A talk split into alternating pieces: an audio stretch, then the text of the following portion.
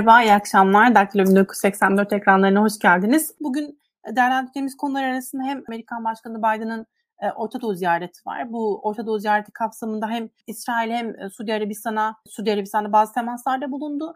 Bununla ilgili aslında daha önce yaptığımız bir yayın vardı. Bu yayında bir noktada orada değerlendirdiğimiz hususları bir kez daha üzerinden geçmiş gibi ol- olacak belki. Çünkü orada konuştuğumuz her şey e, yine bu ziyaretler kapsamında gündeme geldi. Onun haricinde asıl belki konumuz İngiltere'de Boris Johnson'ın istifasıyla boşalan başbakanlık koltuğu. E, bu noktada partisi Muhafazakar Parti'nin liderliği için bazı isimler yarışıyor. Aslında çok yarışlı, çok adaylı başladı bu yarış ama şu an itibariyle yarışta hala devam eden 3 aday var. Bunun yani başbakanın ve muhafazakar, partinin liderinin kim olacağını Eylül ayında öğreniyor olacağız ama e, yarın itibariyle aday sayısı 2'ye inecek. Biz de bu iç aday ve bu iç adayın İngiltere için, Avrupa siyaseti için ve Türkiye için neler düşündüğünü biraz değerlendirelim istiyoruz bu akşam. Bununla ilgili sorularınız olursa lütfen yorumlarda yazın. Ben de Selin Hanım'a iletiyor olayım. Hoş geldiniz, nasılsınız? Çok teşekkürler. Çok güzel çerçeveyi çizdiniz Maya Hanım. Herhalde e, bugünkü e, Erdoğan, Erdoğan'ın ziyareti, Cumhurbaşkanı Recep Tayyip Erdoğan'ın İran ziyareti ve üçlü görüşme kapsamında da belki Biden'ın Orta Doğu ziyaretini konuşuruz diye düşündüm ben. Çünkü zamanlama itibariyle sanki Biden'ın Orta Doğu turunda Türkiye'nin işte yer almaması, herhangi bir ziyaret destinasyonu olmaması, ardından bu İran ziyaretinin Rusya'nın da devreye girerek üçlü bir toplantıya dönüşmesi edilmesi sanki bir böyle bir kasıtlı bir zamana veya ona göre denk getirilmiş gibi yorumlar gördüm kanaatim bunun tam da böyle olmadığı yani siyah beyaz bir okuma yapmanın çok da yerinde olmadığını düşünüyorum.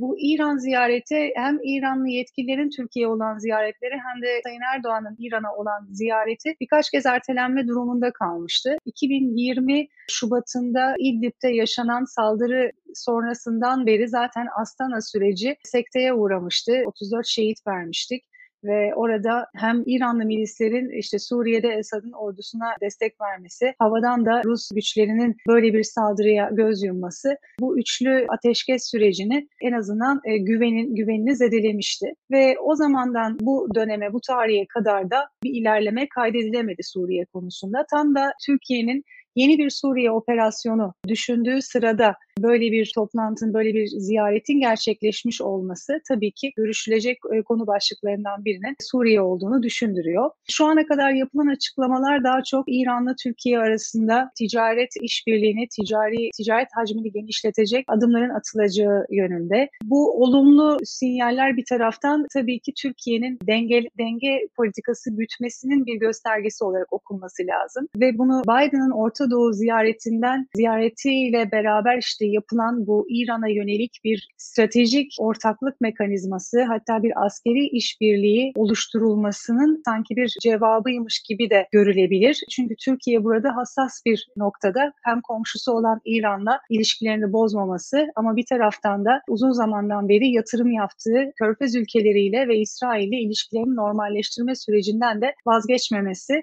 bekleniyor. Zaten de şu ana kadarki atılan adımlar bunun bu şekilde devam edeceğini bize göstermekte. Öte yandan Türkiye'nin yani Ankara'nın düşündüğü, planladığı Suriye'ye operasyon konusunda İran'dan herhangi bir olumlu destek zaten beklemiyorduk. Nitekim e, bu konudaki tavırlarını bir kez daha belirtmiş oldular. Türkiye'nin Astana ortaklarıyla Suriye'de e, çok farklı hedefler gütmesine rağmen bu çelişkili pozisyonlarını e, bir şekilde farklı çıkarları yani ortak noktada birleşebilerek bir götürmeleri zaten zaten kendi içinde bir mucize mi desek bilemiyorum. Yani kendi içinde çelişkilerle dolu bir süreçti. Bu zamana kadar yürütülmesi de bir hayli zordu. Bu hedefler bir şekilde uzlaşmaya varmasını sağlayacak mı tarafların? Çok öyle gözükmüyor. Ama yine de tabii ki böyle bir operasyon yapılacaksa eksisi artısı hesabı yapılarak adım atılması gerekiyor. Yani Rusya'dan bir e, olumlu en azından bu konuda destek olmadan hava sahasını kontrol eden böyle bir operasyonun gerçekleşmesi çok da gerçekçi bir beklenti olmayacaktır. Şimdi Biden'ın Orta Doğu ziyaretinden çerçevelendirmek gerekirse bu konuyu başına dönerek aslında bugünkü programla ilgili olarak hem iç politika hem dış politika sahipleriyle düzenlenmiş bir Orta Doğu turuydu Amerikan Başkanı Biden açısından. İç politikadan başlamak gerekirse ziyaretin en önemli ayağı aslında Suudi Arabistan ziyareti. Rusya'nın Ukrayna'yı işgaliyle enerji fiyatlarının yükselmesi, petrol başlıca petrol üreticilerinden Suudi Arabistan'a o OPEC içerisindeki ağırlığından da hareketle Biden yönetimini petrol arzını yükseltmesi, arttırması için bu yönde taleplerine karşılık almak için aslında bu ziyareti düzenlediğini söylemek mümkün. Çünkü bunun iç politikaya yansımaları yani petrol fiyatlarının artışı Biden yönetiminin elini zorlamakta. Kasım ayında ara seçimler geliyor. Kongrenin Cumhuriyetçilere, Cumhuriyetçi Parti'ye geçerek el değiştirme olasılığı söz konusu. Bunu mümkün olduğunca bu riski bertaraf etmeye çalışmak veya kaybedilen sandalye sayısını azaltabilmek, kontrol altında tutabilmek amacıyla bir an evvel enerji fiyatlarını aşağıya çekecek çözüm yolları arayışında Başkan Biden. Sadece Amerika Birleşik Devletleri açısından değil aslında Amerika'nın müttefikleri, Avrupalı müttefikleri için de bu enerji fiyatlarının aşağıya çekilmesi önem taşıyor. Çünkü bu transatlantik ittifakının dayanışmasının, dayanışma ruhunun canlı tutulabilmesi açısından da yaklaşan oluşan kış koşulları da düşünülürse enerji kaynaklarının bir, bir an evvel çeşitlendirilebilmesi lazım. Fakat Suudi Arabistan tabii ki özellikle Biden yönetiminin, Başkan Biden'ın kampanya döneminden beridir Suudi Arabistan'a ve özellikle işte Veliaht Prens'in sert dış politika yanlısı ve insan hakları, e, demokrasi konusundaki sicili de zaten iyi olmadığı, e, olmadığı biliniyor. Bugüne kadar zaten öyle olmamasına rağmen hep çıkar ilişkileri güdüldü Körfez ülkeleriyle. Bunun da parantez içine almak lazım. Yani sadece Suudi Arabistan'ın Veliaht Prensi dönemine mahsus bir ilişki modeli değil bu. Burada tabii bizim gördüğümüz real politiğin bir yerde değerlere galip gelmesi durumu. Maalesef ki e, Biden işte kampanya döneminde parya muamelesi etmeyi düşündüğü, dışlamayı düşündüğü, muhatap almayacağını ifade ettiği Muhammed Bin Salman'la görüşmek zorunda kaldı. İşte o yumruklaşmaları vesaireleri. En önemlisi e, karşılama kendisini Suudi Arabistan'a vardığında karşılayan yetkilinin Mekke valisi olması. Yani üst düzey yöneticilerden kimsenin karşılamaya gelmemesi de aslına bakarsanız Atlantik dergisine Muhammed Bin Salman'ın vermiş olduğu mülakatta hani Amerika Birleşik Devletleri sizin Başkan Biden'ın davranışlarını yorumlarken kendisi bilir eğer çıkarlarını düşünüyorsa bizimle iletişim kurmak zorunda diye bir ifade kullanmıştı. Hani o orayla bağladığımızda aslında tutarlı. Yani bir yerde işinin düştüğünü bildiğinden dolayı kendini de ağırdan satmaya çalışıyor mu desek amiyane tabirle bence çok da yanlış bir ifade olmayacaktır diye düşünüyorum. Öte yandan tabii ki e, Suudi Arabistan ziyaretinden evvel bu Orta Doğu turunun ilk ayağını İsrail oluşturuyordu. Şimdi burada da aslında çok şaşılacak bir durum yok. Orta Doğu, Amerika'nın geleneksel olarak Orta Doğu politikasında İsrail'in güvenliğinin büyük bir yer tutması, Orta Doğu'nun enerji kaynaklarının ve su yollarının güvenliğinin yanı sıra. Dolayısıyla yine yaklaşan ara seçimlerle de bunu bağlantılamamız mümkün. İsrail-Amerika arasındaki özel ilişkilerin ve Amerikan Kongresi'nde İsrail yanlısı lobilerin de etkileri düşünülürse Biden yönetiminin İsrail ile ilişki ilişkilerine verdiği önemin altının çizilmesi, açıklanan e, işte stratejik ortaklık açıklamasıyla İsrail'in e, güvenliğine gelebilecek herhangi bir tehlike, tehdit durumunda özellikle burada atıf tabii ki İran'ın nükleer güce sahip olma riski, nükleer silaha sahip olmasının engellenmesi için gerekirse e, askeri güç de dahil olmak üzere tüm opsiyonların değerlendirileceğinin altını çizilmesi burada önemli bir mesaj.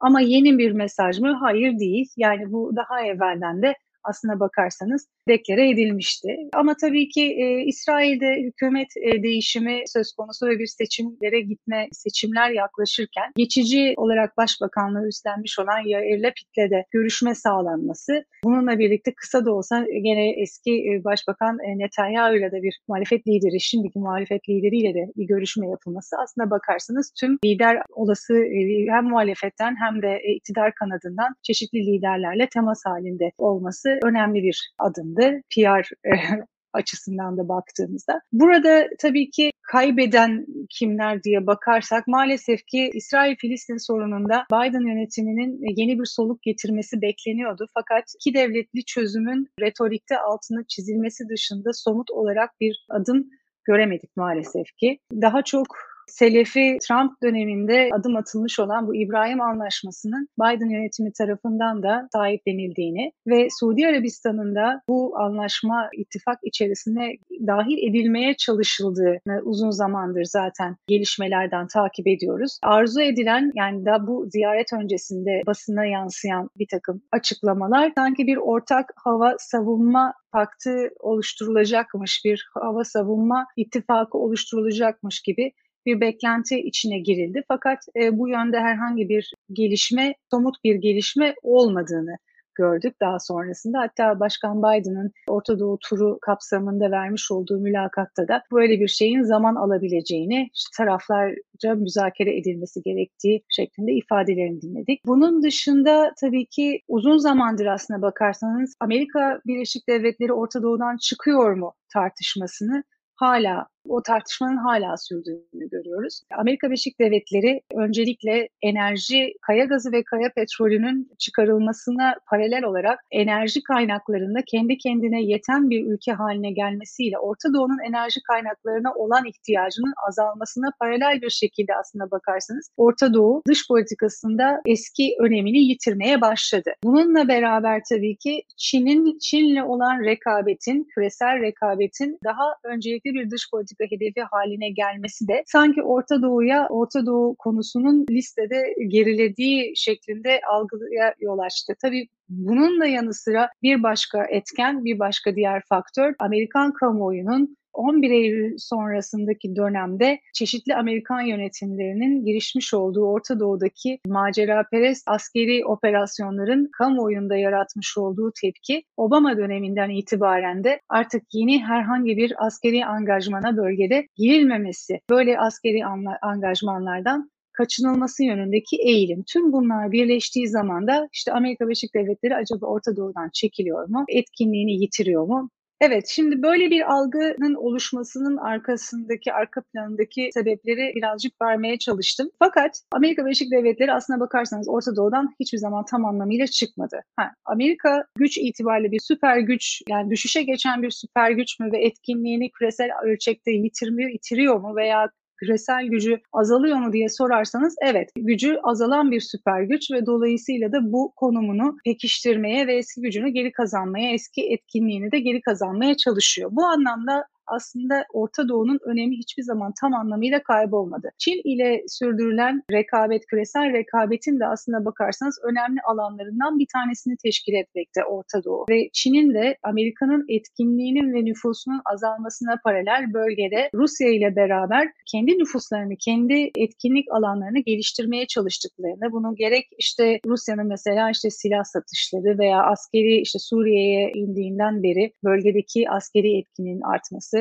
Çin'in yapmış olduğu bölgeye ekonomik yatırımlar, ticari yatırımlar yoluyla ve elbette ki Çin'in Orta Doğu'nun enerji kaynaklarına olan iştahını da göz önünde bulundurursak bir yerde Amerika'nın o bölgeye olan ihtiyacı azalırken Çin'in o bölgeye Orta Doğu'ya olan ihtiyacı, Orta Doğu'nun enerji kaynaklarına olan ihtiyacından hareketle ilişkileri bu devletlerle e, ilişkileri daha ön planda oluyor. Bunun da doğal bir sonucu olarak aslına bakarsanız Amerika Birleşik Devletleri tam anlamıyla e, oradaki bölge ülkelerini eskisi eskiden olduğu kadar kendi çıkarları yönünde hareket etmelerini sağlayamıyor. Yani kontrolü soğuk savaş dönemindeki kadar kolay bir denge yok. Çok daha karmaşık bir e, Orta Doğu resmi var önümüzde. Buna yol açan sebeplerden bir tanesi de aslında bakarsanız Obama döneminden itibaren İran'ın tekrardan bir şekilde sisteme entegre edilmesi amacıyla müzakere edilmiş, sonra imzalanmış, sonuçlandırılmış olan nükleer anlaşma. Çünkü bölge ülkeleri, özellikle Körfez ülkeleri ve İsrail için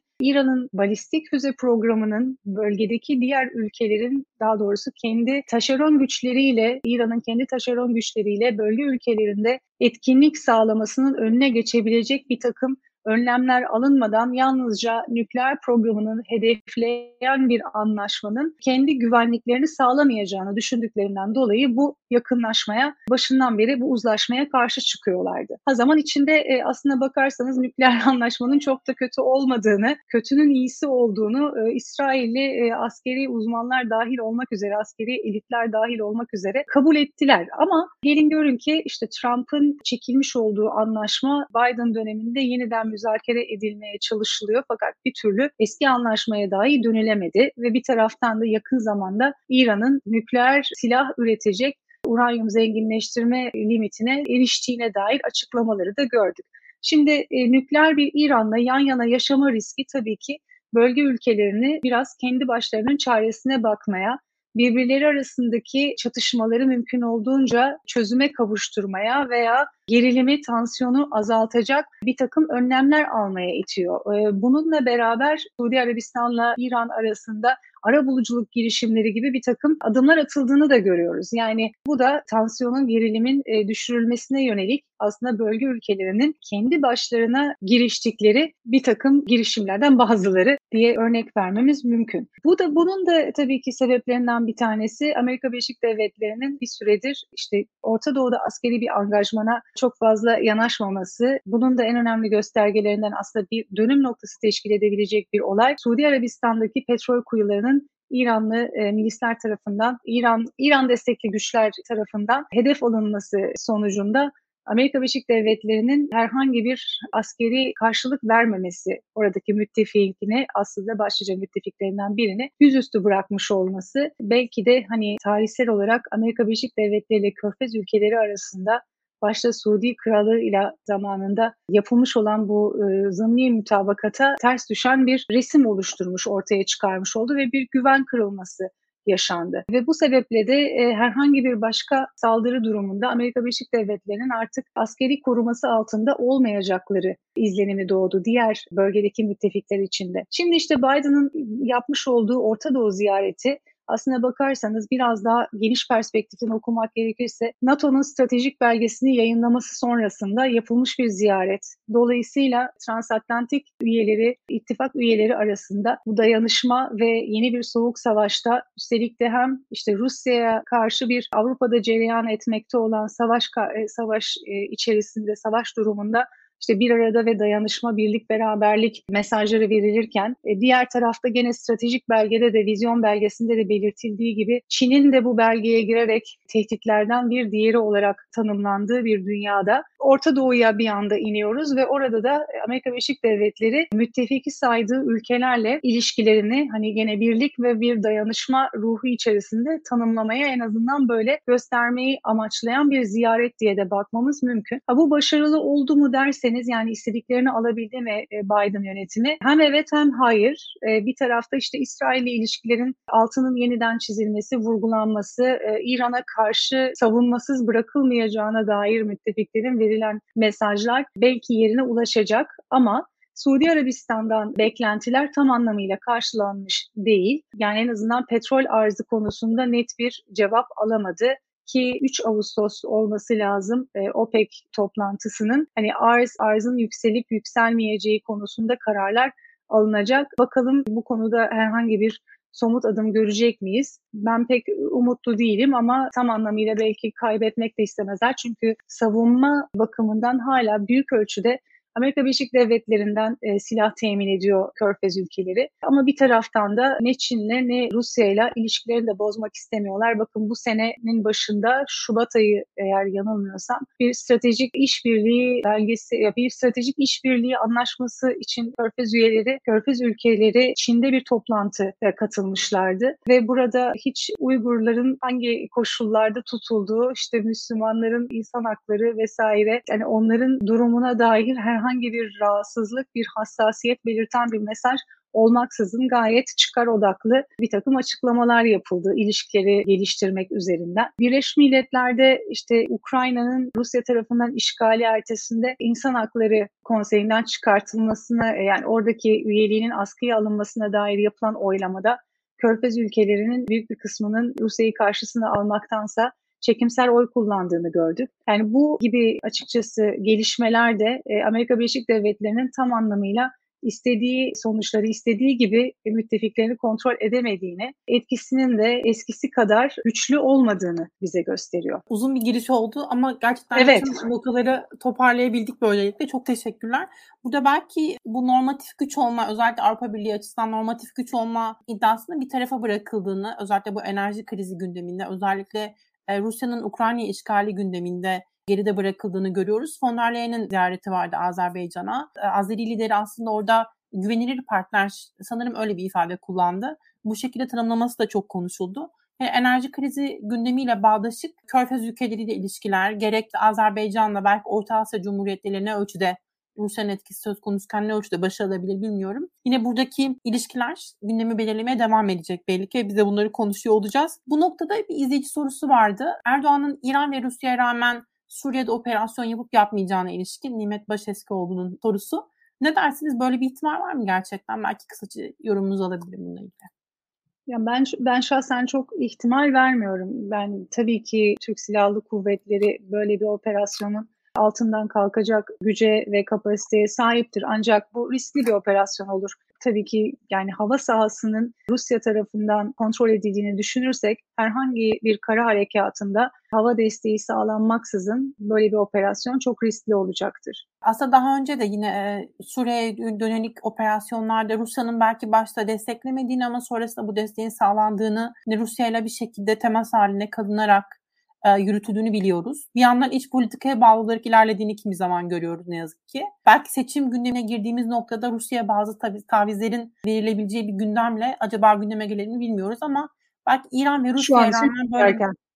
Evet, İran ve yani, Rusya bunu... E, Rusya'ya rağmen belki böyle bir şeye kalkışmak yakın zamanda çok olası gözükmüyor diyebiliriz. Yani hem Amerika Birleşik Devletleri'nin hem İran'ın hem Rusya'nın bu konuda aynı safta olmaları sanki çok olumlu bir gösterge değil böyle bir operasyona başlamak açısından. Bir soru daha var Gürhan Bey'in sorusu. ABD'nin İran'a karşı askeri anlamda pasif duruma geçmesiyle İsrail ve başta Suudi Arabistan olmak üzere Arap dünyası bir yakınlaşma yaratma çabası beklemeli miyiz? İsrail buna sıcak bakıyor mu?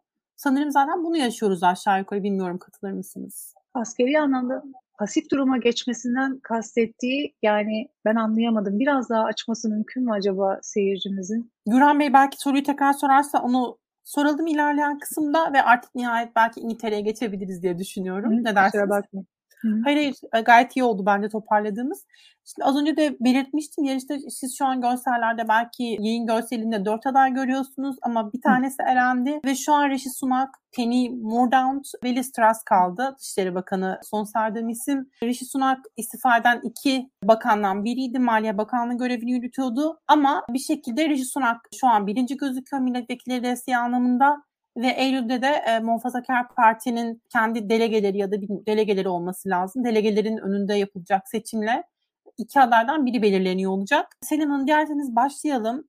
İngiltere kısmında aslında şeyi de sormak istiyorum ama sanırım onu sona saklayacağım. Şimdi İngiltere'de farklı bir sistem de var. Orada dar bölge seçim sistemi var. İster istemez bunu yol açtığı farklı bir siyaset anlayışı var. Bu iki partili siyaseti bir şekilde mecbur kılıyor.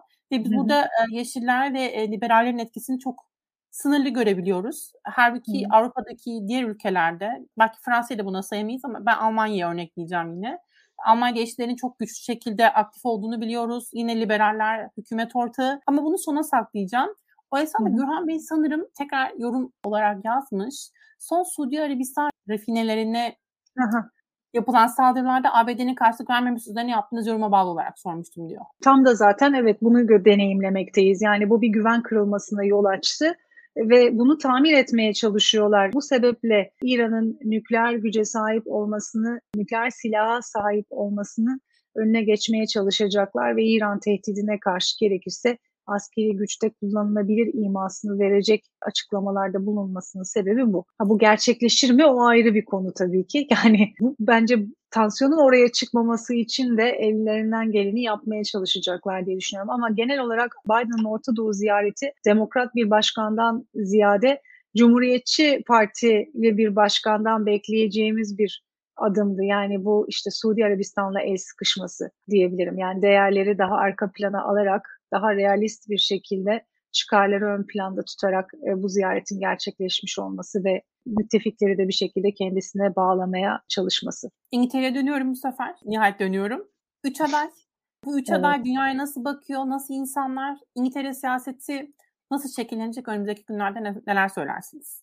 Liderlik yarışı, Muhafazakar Parti'nin liderlik yarışı aynı zamanda yeni başbakanı da belirleyecek. Üç aday geriye kaldı. Şimdi e, teknik olarak e, süreç şöyle işliyor. İki aday kalıncaya dek partili vekiller tur tur oylama yapıyorlar. Son iki adayı da partili üyeler e, yaklaşık 160 bin kadar posta yoluyla belirliyorlar, oy atıyorlar. Dolayısıyla elenen adayların da aslında bakarsanız kendi taraftarlarını diğer kalan adaylardan hangisine yönlendirecekleri de burada başbakanın kim olacağı üzerinde etkili olacak. Dolayısıyla da hani adayların kazanması kuvvetli olan adayların diğerlerini bir şekilde hükümetlerinde pozisyon vererek ikna çabaları ve pazarlıkların da sürdüğünü söyleyebiliriz. Adayların, bahisçilerin en azından favorisi parti içerisinde yapılan şu ana kadarki oylamalarda da en fazla oyu toplamış olan eski Maliye Bakanı Rishi Sunak. Bu istifa zinciri Başbakan Johnson'ın genel başkanlıktan istifasıyla sonuçlanan istifa dalgasını da aslına bakarsanız başlatan iki bakandan bir tanesi kendisi. İki senedir Maliye Bakanlığı görevindeydi. Seçilirse İngiltere'nin ilk Hintli, Hint kökenli başbakanı olacak.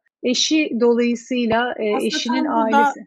Evet. Tam burada araya girebilir miyim? Bu aslında Lütfen. Türkiye'den e, bakanlar için ya da İngiltere'nin İngiltere'de yaşamayan insanlar için bir Hint kökenlinin İngiltere Başbakanı olabilme ihtimali değişik geliyor açıkça ifade etmek gerekirse. E, bunun nasıl olabildiğini özellikle muhafazakar partiden bir ismin parti liderliği koltuğuna oturması ihtimali ve üstelik eğer böyle bir şey olursa bu partinin kendi üyeleri tarafından yapılan seçimle mümkün olacak. Henüz böyle bir şeyden bahsetmiyoruz. Şu an sadece milletvekillerinin destekleri üzerinden ilerleyen bir süreç var. Ama gerçekten bu nasıl mümkün? Ya bunun şu anlamı var mı bilmiyorum nasıl düşünürsünüz. Siz de İngiltere'de yaşıyorsunuz çünkü. İngiltere gerçekten büyük ölçüde ırkçılığı geride bırakmış diyebilir miyiz? Yani ayrımcı, ırkçılık başka bir şey hani ama ayrımcılık toplumsal anlamda var mı derseniz elbette burada da sınıflar ve ırklar arasında ayrımcılık söz konusu. Fakat hukukun üstünlüğü derseniz orada farklı bir mekanizma işliyor ve hakikaten hukuk karşısında herkesin eşit olabildiğince eşit imkanlara sahip olduğunu söylemekte mümkün. Tabii ki buradaki adayların eğitimlerine ve arka planlarına baktığımızda da aslına bakarsanız elit kesimlerden olduklarını söylemek yani en azından eğitim düzeyleri bakımından o pozisyonlar için hazırlanmış ve o pozisyonlara gelebilecek yeterli eğitimi almış insanlar. Dolayısıyla yalnızca etnik, dini veya cinsiyetlerine göre, kimliklerine göre değerlendirmemek lazım diye düşünüyorum. Ama tabii bizim açımızdan biz Türkiye'den baktığımızda ilgi çekici ve imrenilir kılan şey şu anda kadın adayların fazla olduğu belki de tek beyaz erkeğin yeni elendiği bir aday sürecinden geçiyor İngiltere. Ve elbette biz de kendi ülkemizde bu kadar renkli bir seçim süreci yaşayacak mıyız? Böyle adaylar çıkar mı? E, bunu temenni e, etmemiz çok doğal. Şimdi isterseniz ben gene adaylara geri döneyim. Çünkü Rishi Sunak hakikaten bu yarışın favorisi. Fakat e, onun da bir... Buyurun. Özür dilerim. Aslında soruma tam cevap alamadım. Şu anlamda sormak istiyorum tekrar. Yani şu an cevap alamadım derken elbette hukukun üstünlüğü, elbette evet. kişinin etnik kökeni onun aday olmasını şüphesiz ki engellemez. Yasalar çünkü böyle bir duruma izin vermez açıkça ifade etmek gerekirse ama özellikle bunun bir şekilde garipsenmemesi ihtimali çünkü yani evet Türkiye'de belki bunu hayal etmek çok zor çünkü böyle bir durumda tahmin ediyorum yani burada gazetelerin afişlerini düşünemiyorum bile. E, yine Almanya için bile belki bu çok fazla gelirdi. E, Fransa için bilmiyorum nasıl yankılanırdı ama İngiltere'de en güçlü pozisyon başbakanlık görevi ve buna rağmen toplumun böyle bir tartışmadan bunu çok ileri seviyeye görmek gerektiğini düşünüyorum ben. Yani o sizle an... fikirim. Ben hem fikirim o konuda. Tabii ki kesinlikle. Ama zaten kendilerini tanımlarken İngiliz olarak tanımlıyorlar. Yani Rishi Sunak'ta çıkıp ben Hint, Hindistan'a bağlıyım, Hint kökenlerimi ihya edeceğim, Hint kökenli vatandaşları ihya edeceğim gibi bir şeyle, vaatle ortaya çıkmıyor farkındaysanız. Yani zaten Britanyalı kimliği ön planda bu adayların Ve yarıştaki hepsinde. yani Rishi Sunak tek Hint kökenli aday değildi yarışta. Evet.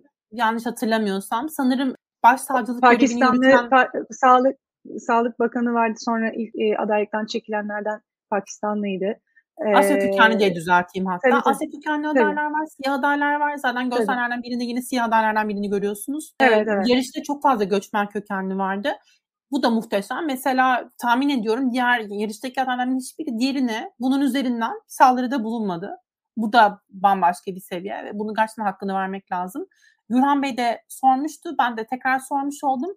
Bu konuyu sanırım nihayeten çözüme ulaştırdık. İngiltere demek ki bu tartışılmıyor. Artık böyle bir gündemi yok. Türkiye'nin çok çok çok aksine hakkını vermiş olalım. Birbirlerine farklı birbirlerine farklı adaylar birbirlerine farklı konularda bel altı vuruşları yaptılar yalnız. Bu geçtiğimiz iki TV tartışma programında da aslına bakarsanız birbirleri arasında belki nasıl diyelim kuliste tartışılan bir takım sırları ifşa ederek birbirlerini zor duruma düşürmeye Harika çalıştılar. bunu ve- yapsınlar. Bu demokrasi. Ama ırkçılık olmasın yeter ki. Yani Yani doğru, bence. doğru.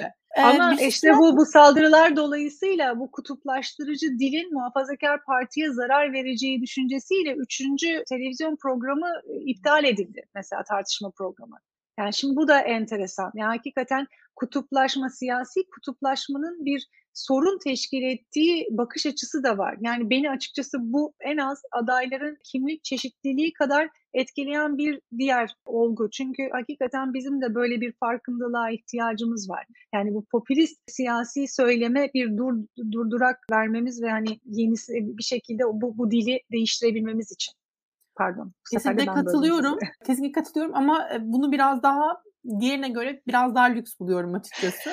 Çünkü ırkçılık gerçekten toplumdan, hayatımızdan o kadar silmemiz gereken bir, bir şey ki bunun aksini görmek beni hep çok heyecanlandırıyor. O yüzden bunun altını tekrar çizmek istedim. Bir Suat'la ilgili siz devam ediyordunuz. Sizi böldüm. Hatta Evet. yine belki bu ırk etnik köken meselesine burada girebiliriz. Çünkü Rishi Sunak çok zengin ve bu zenginliğin Evet. biraz bir kaynağı var. Eşi Evet. Hindistan vatandaşı benim hatırlay- hatırlayabildiğim Evet. kadarıyla.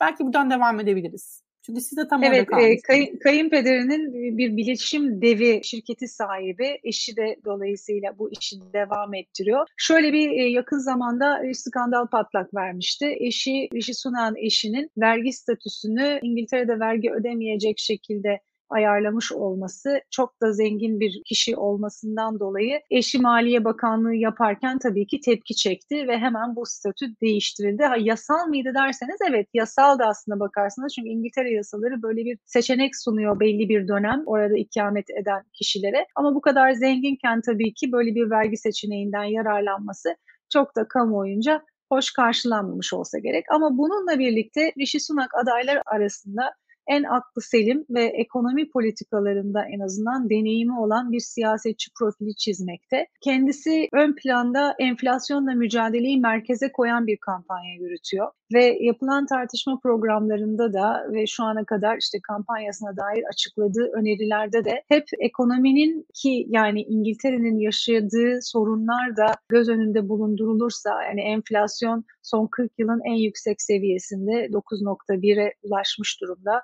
İngiltere Merkez Bankası yıl sonuna doğru %11'lere enflasyonun çıkabileceğini düşünüyor. Milli İstatistik Kurumu'na göre İngiltere vatandaşlarının %44'ü gıda harcamalarını azaltmak durumunda kalmış. İşte British Telecom telekomünikasyon şirketi Ağustos başı gibi Temmuz sonu Ağustos başında greve gidecek. Yani ciddi sorunlar var. Çünkü İngiltere bir taraftan Brexit'in ekonomik sonuçlarıyla daha yüzleşemeden Covid-19 pandemisinin bu sefer yaratmış olduğu ekonomik krizle baş etmeye girişti. E, bunun üzerine bir de Rusya'nın Ukrayna'yı işgaliyle beraber enerji fiyatlarının baskısı binince çok büyük sıkıntılar bekleniyor İngiltere açısından. Ve bu e, türbülanslı dönemde hakikaten doğru ekonomi politikalarının izlenmesi lazım. Aslına bakarsanız Rishi Sunak Maliye Bakanı e, Bakanlığı döneminde muhafazakar partinin geleneksel ekonomi çizgisine zıt olan bir takım kararlar da almak zorunda kaldı. Çünkü geleneksel olarak daha küçük devlet, harcamaların az olması, vergi kesintileriyle ekonomik büyümeyi ve sermayedar kesimin yatırımını teşvik edici bir ekonomi programı izlemekten yana olan Muhafazakar Parti, Covid-19 pandemisinin ortaya çıkardığı sorunlarla baş edebilmek amacıyla işte işinden olan insanlara ekonomik yardımlar sağlanması, işte sosyal sağlık primlerinin arttırılarak NHS'in yani sağlık sisteminin İngiltere'deki reform edilmesi için bir kaynak yaratılması da dahil olmak üzere harcama kesesini açmak zorunda kaldı. Bunlar tabii ki parti içerisinde tartışılıyordu da bir taraftan hani vergi kesintisinin de yapılması lazım diye bir baskı vardı. Aslında bakarsanız ilk bu istifa dalgası başladığında ben Sunak adına oh, kurtuldu, geçici de olsa hani çok zor kararlar alması gerekiyordu, bir, bir, bir nebze nefes almıştır diye kendi adıma düşünüyordum. Fakat Rishi Sunak hakikaten yapılması gereken zor kararları da e, hoşa gitmese, kulağa hoş gelmese dahi hani kemer sıkma politikası gerektiğinde yapılması veya acı ilaç deriz hep bu siyasi literatürde bugüne kadar 90'ları yaşamış, deneyimlemiş olan herkesin aşina olduğu terimlerdir. Hani bu, bu kararları alabilmiş bir lider. Ama bu yeterli mi tabii ki bunu göreceğiz. Çünkü bugüne kadar ki böyle bu tarz liderlik yarışlarında hep ilk götüren yani bahislerde ön planda olanın illa hani galip geleceği anlamına gelmiyor. Rakipleri de tanıyalım. Bir diğer dişli rakip Dışişleri Bakanlığı koltuğunda bulunan ve istifa da etmeyen her şeye rağmen Liz. Kendisi Margaret Thatcher'a hayranlığıyla tanınıyor ve kendisine Margaret Thatcher'ı model alan bir siyasetçi. Rishi Sunak'tan daha da fazla deneyimi var, siyasi deneyime sahip. Bir hayli hırslı, aşırı sağa yakın, kültürel konularda, göçmenlik konularında olsun, göçmen e, yasa dışı göçmenlerin kontrol edilmesi konusunda. Zamanında Brexit referandumu döneminde aslına bakarsanız AB'de kalalım kampına destek verip daha sonra Brexitçilerin tarafına geçtiği için eleştirilen bir kişi. Fakat bu eleştirileri sanki işte bu daha aşırı sağ güvenlik meselelerinde olsun, işte göçmenler konusunda daha sert politikaları destekleyerek bir yerde kamufle etmeye veya işte dengelemeye çalıştığını söylememiz mümkün. Liz Rishi Sunak'ın önermiş olduğu ekonomi politikalarının taban tabana zıt olanlarını destekliyor, savunuyor. Çok özür dilerim. Bir söylemi de gündeme geldi Türkiye ile ilgili. E, Ruanda ile yapılan anlaşmanın benzerinin Türkiye ile yapılmasını da Aa, e, evet, evet. Belki ona da değinebiliriz çok kısaca. Tabii tabii. Yani açıkçası ben çok şaşırdım. Bu açıklamasını beklemiyordum. Çünkü yani Dışişleri Bakanlığı yapmış bir kişinin Türkiye ile böyle bir konuyu müzakere etmeden ve Türkiye'deki siyasi dinamikleri göz önünde bulundurmadan bu şekilde bu konuyu bir iç politika malzemesi haline getirmesini ben açıkçası çok talihsiz buldum. Yani adayın siyasi öngörüsü açısından çok tatmin edici bir ve doğru ve rasyonel bir hamle olmadığı kanaatindeyim. Zaten de Ankara haklı tepkisini hemen verdi Listros'a. Hani tabii bir de Ruanda seçeneğine alternatif olarak Türkiye ve yanında bir de İspanya'nın düşünülüyor olması yani İspanya'da muhtemelen bu kategoriler içerisinde bu gruplandırma içerisinde olmak istememiştir. Ama bu tabii ki çok rahatsız edici. Zaten toplumda e, hakikaten sığınmacı meselesi çok büyük bir hassasiyet oluşturuyor. Yaklaşan seçimleri de düşünürsek neredeyse partiler üstü ortak bir tavır var bu konuda. Yani mümkün olduğunca ya entegrasyonlarının sağlanması ama mutlaka ki daha yeni mülteci dalgalarının engellenmesi taraftarı yani toplumda bu yönde en azından bir talep var. Siyasi partiler de bunu değerlendiriyorlar. Dolayısıyla yani böyle bir açıklama çok yerinde olmadı. Ama bu ilk defa mı? Değil. Türkiye daha evvel de aslında bakarsanız İngiltere siyasetinde, iç siyasetinde bir malzeme haline gelmişti. İşte Brexit referandumu döneminde. Hatta üçüncü adayımız Penny Mordaunt'ın da bu konuda sicili çok temiz sayılmaz. O da 2016'da Brexit referandumu döneminde Birleşik Krallık Türkiye AB'ye üye olursa bu mülteci dalgasından Türkiye'ye gelen sığınmacılardan etkilenecektir ve Türkiye'nin AB'ye girmesini veto edemeyecektir gibi aslına bakarsanız çok mantıklı olmayan yani Türkiye'nin o dönemde AB'ye girme olasılığı da düşükken tamamıyla iç siyasete kamuoyunda seçmenlerden oy devşirmek amacıyla yapılmış popülist açıklamalardı bunlar. Dolayısıyla ilk değildi. Aslında genel olarak adayların hangi hatlarda konumlandığını biraz daha anlayabildik. Belki e, Penny Morhaut'ta biraz devam edebiliriz ya da yani yine bu üç adayla ilgili aslında daha yumuşak bir Brexit'e sıcak bakıyorlar mı? Avrupa ile ilişkiler anlamında neler düşünüyorlar? Hı. Belki buna biraz odaklanabiliriz. Yani çok ilginç olan nokta e, Brexit meselesi artık çıkalım mı çıkmayalım mı gibi veya geri döner miyiz tartışması kesinlikle yok.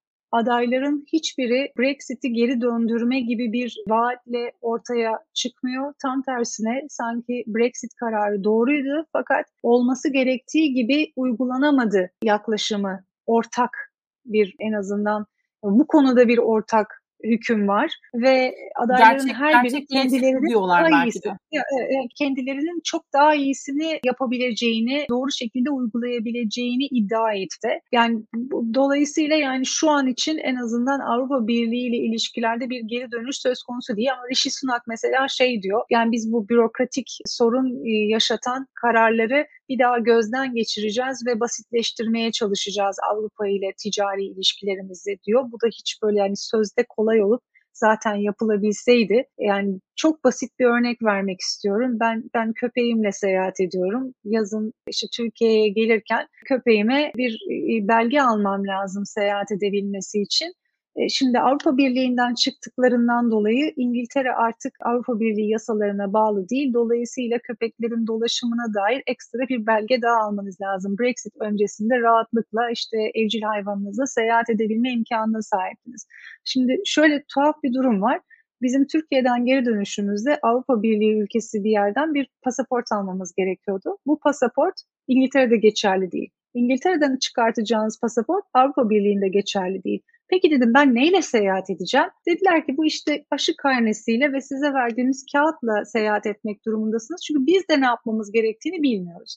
Hani herkes bu kadar çaresiz ve büyük bir açıklıkla, açık kalplikle size diyorlar ki biz de yasaların nasıl uygulanacağını bilmiyoruz. Dolayısıyla hazırlıklı olmakta fayda var. Yani bu karman çormanlık durumu hakikaten gerçek. Yani bu yaşanıyor ve benim yaşadığım sadece çok küçük ve basit bir örneği bunun. Siz düşünün ki çok daha önemli işte ilaç firmalarının ilaç gönderme işte bu tarz mesela sevkiyatlarda doldurulması gereken formlar, gıda malzemeleri işte daha hani insan sağlığını da tehdit edebilecek ve çok üzerinde hassasiyetle durulması gereken belgelerin büyüyüp büyüyüp uzaması bu süreçleri sekteye uğratıyor. Yani zaten London School of Economics'in belki yayın sonrası sizinle de paylaşırım. Bu hafta bir bu konuda değerlendirme de yayınlamayı düşünüyorum. Yakın zamanda yapmış olduğu bir araştırma var. Yani İngiltere'nin Brexit dolayısıyla ticarette e, küresel rekabetini ne kadar kendi eliyle sekteye uğrattığını ortaya koyan çok kapsamlı bir araştırma bu. Yani her ne kadar Brexitçiler inkara devam etseler dahi maalesef ki İngiltere kendi ayağını sıkmış oldu. Fakat öyle bir yerde bir noktadalar ki hiçbiri geri de dönemiyor. Ve burada mesela Johnson'ın istifası sonrasında hep yorumlar işte Brexit'i Johnson e, yaptı işte kendi mirası da böyle olacak Brexit'le anılacak Peki ama yani burada David Cameron'ı hiç mi anmayacağız? Yani bu böyle bir siyasi öngörüsüzlükle bu referandum derdini başa saran kişiyi hiç anmadan mı geçeceğiz? Yani İngilizlerin e, bu hukuka bağlılığı ve hani bir adım attık ve bu referandum sonucunu tanımalıyız. Halkın iradesi, bakış açısının nerelere vardığını görmek biraz trajik maalesef ki. Ya, şu Bunu da e, belki tartışılmalı. E, şimdi Avrupa siyaseti tartışıldığında özellikle Avrupa entegrasyonu tartışmalarında farklılaştırılmış entegrasyon entegrasyon perspektifini konuşuyoruz hep. Belki Hı. Brexit'in hayata geçirilmesi sürecinde yapılan anlaşmalar çok daha yumuşak olabilirdi. Belki ortak pazar bir şekilde korunmaya çalışılabilirdi. Ee, ki zaten İngiltere para birliğinin de parçası değildi. Aslında belki İngiltere e, Avrupa Birliği üyesi olarak çok imtiyaza sahipti. Ama bunlar aslında geride kaldı belki. Bir Şimdi... tek aşılama döneminde belki bu avantaj sağladı İngiltere. Yani tek istisnası belki bu konunun hakikaten Covid pandemisiyle aşılama sürecinde İngiltere'nin daha hızlı bir şekilde karar alması ve kendi ürettiği aşıyı piyasaya sürmesi bir avantaj sağladı. Ama bunun dışında mesela Brexitçilerin e, vaat ettikleri en önemli şeylerden bir tanesi sınırlarımızın kontrolünü geri alacağız iddiasıydı. Yani bunun gerçekleşmediği zaten bu sene içerisinde 14 bin yasa dışı göçmen Manş Denizi'nden ülkeye giriş yapmış. Yani bunu engelleyemiyorlar. Mesela adaylardan işte Penny Mordaunt diyor ki biz Fransa'dan Manş Denizi'nden şey, Duyuyor şey şimdi? Tam, İngiltere zaten Schengen'in de parçası tamam. değildi. Ha. Bu göç konusu ha, tamam. aslında ha, Adaylardan Penny Mordaunt mesela işte Manş Denizi'nden Fransa'dan gelen e, botların adaylardan Penny Mordaunt Manş Denizi'nden gelen Fransa'dan hareket eden motorlara yakıt ikmalinin engellenmesiyle yasa dışı göçü kontrol altına alabileceğini söylüyor. Yani bu da çok afaki bir öneri tabii ki. Sadece hani göçmen konusu açılmışken bunu da söylemek istedim. Yani sınırların kontrolü diye bir şey söz konusu maalesef olmuyor. Sadece bu vize daha doğrusu oturum hakları vesaire bu elemeleri daha da sıkılaştırarak daha seçici olmaya İngiltere ama hani sınırların kontrolü diye bir şey maalesef pratikte çok da mümkün olmuyor. Bu söylemler bir yanıyla çok komik evet. ama aslında biz Boris Johnson istifasının sebeplerini çok konuşmadık. Belki onunla çok kısaca bağdaştırabiliriz. Boris Johnson'ın istifası aslında bir, bir günde olmadı. Halka halka biriken söylediği yalanlar, önerdiği siyaset anlayışı aslında tam çökmediyse bile bir şekilde red almayı başardı ve aslında bu istifa yeni bir e, yarışın kapısını aralamış oldu.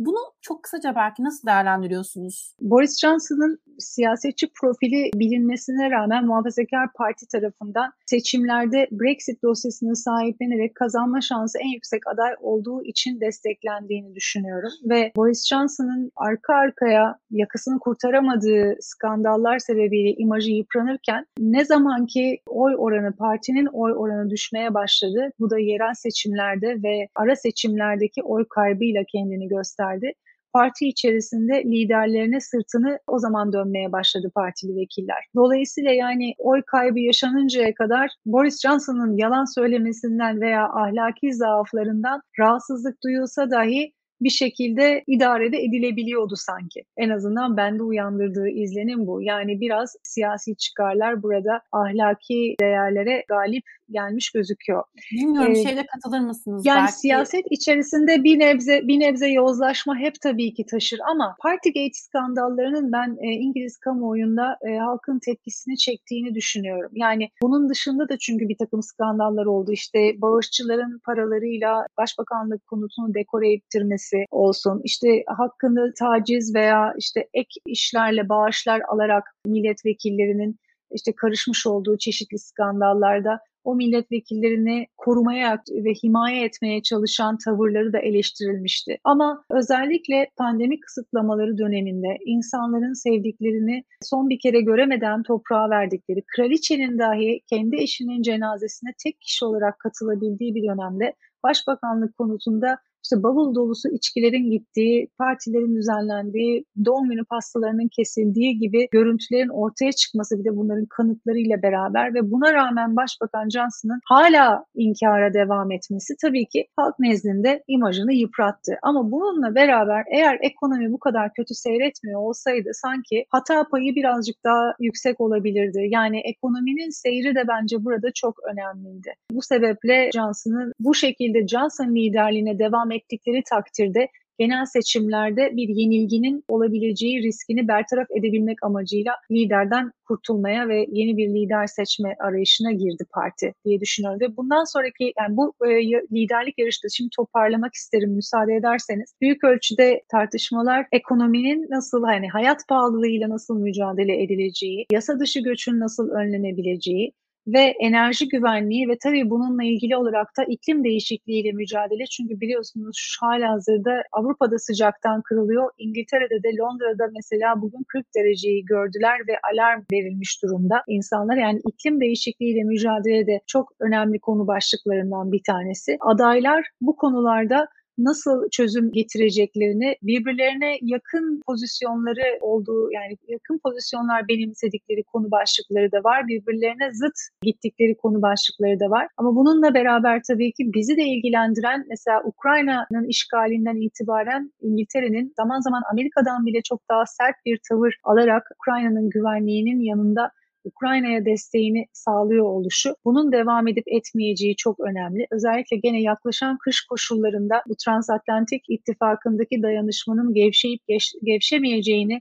gözlemleyeceğiz. E, bu da tabii ki İngiltere'nin de alacağı konum bu açıdan çok önemli olacaktır. Ve tüm bunlarla beraber savunma bütçesinin bütçe paylarının ne şekilde devam ettirileceği, mesela Rishi Sunak e, iki buçukluk düzeyin seviyenin devam ettirileceğini söylüyor. Penny Mordaunt Trust bunu yüzde üçe çıkarma niyetindeler. Bu arada Mordaunt'tan çok fazla bahsedemedik. Kısa dönem ilk İngiltere'nin ilk savunma bakanlığını üstlenmiş olan kadın adaylardan bir tanesi. Donanma kökenli belki de yarışın çok fazla tanınmayan ancak geriden gelip yarışlardan biri kabul ediliyor kendisi. İki, geçtiğimiz sene, geçtiğimiz yıl yayınlanan Greater, işte Britain After the Storm, daha büyük bir Britanya, fırtına sonrası Britanya isimli bir Chris Lewis ile beraber kaleme aldıkları bir kitap var. Ee, burada İngiltere'nin Brexit sonrası küresel gücünü geri kazanabilmesi amacıyla ve imajını pekiştirmesi amacıyla e, nasıl reformların yapılması gerektiğini, bir takım kurumsal reformlar öneriyor bu kitapta ve kutuplaşma siyasetinde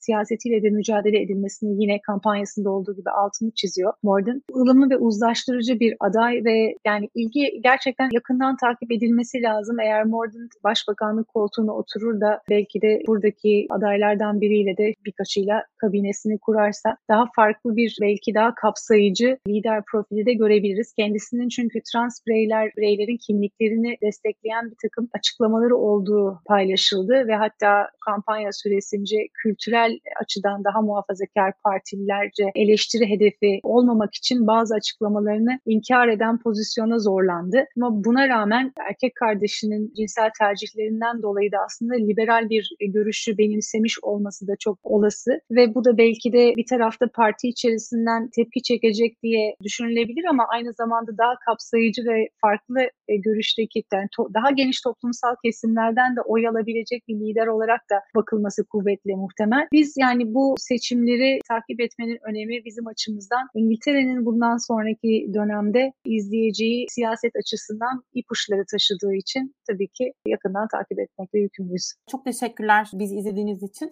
Tekrar görüşmek üzere. Hoşçakalın.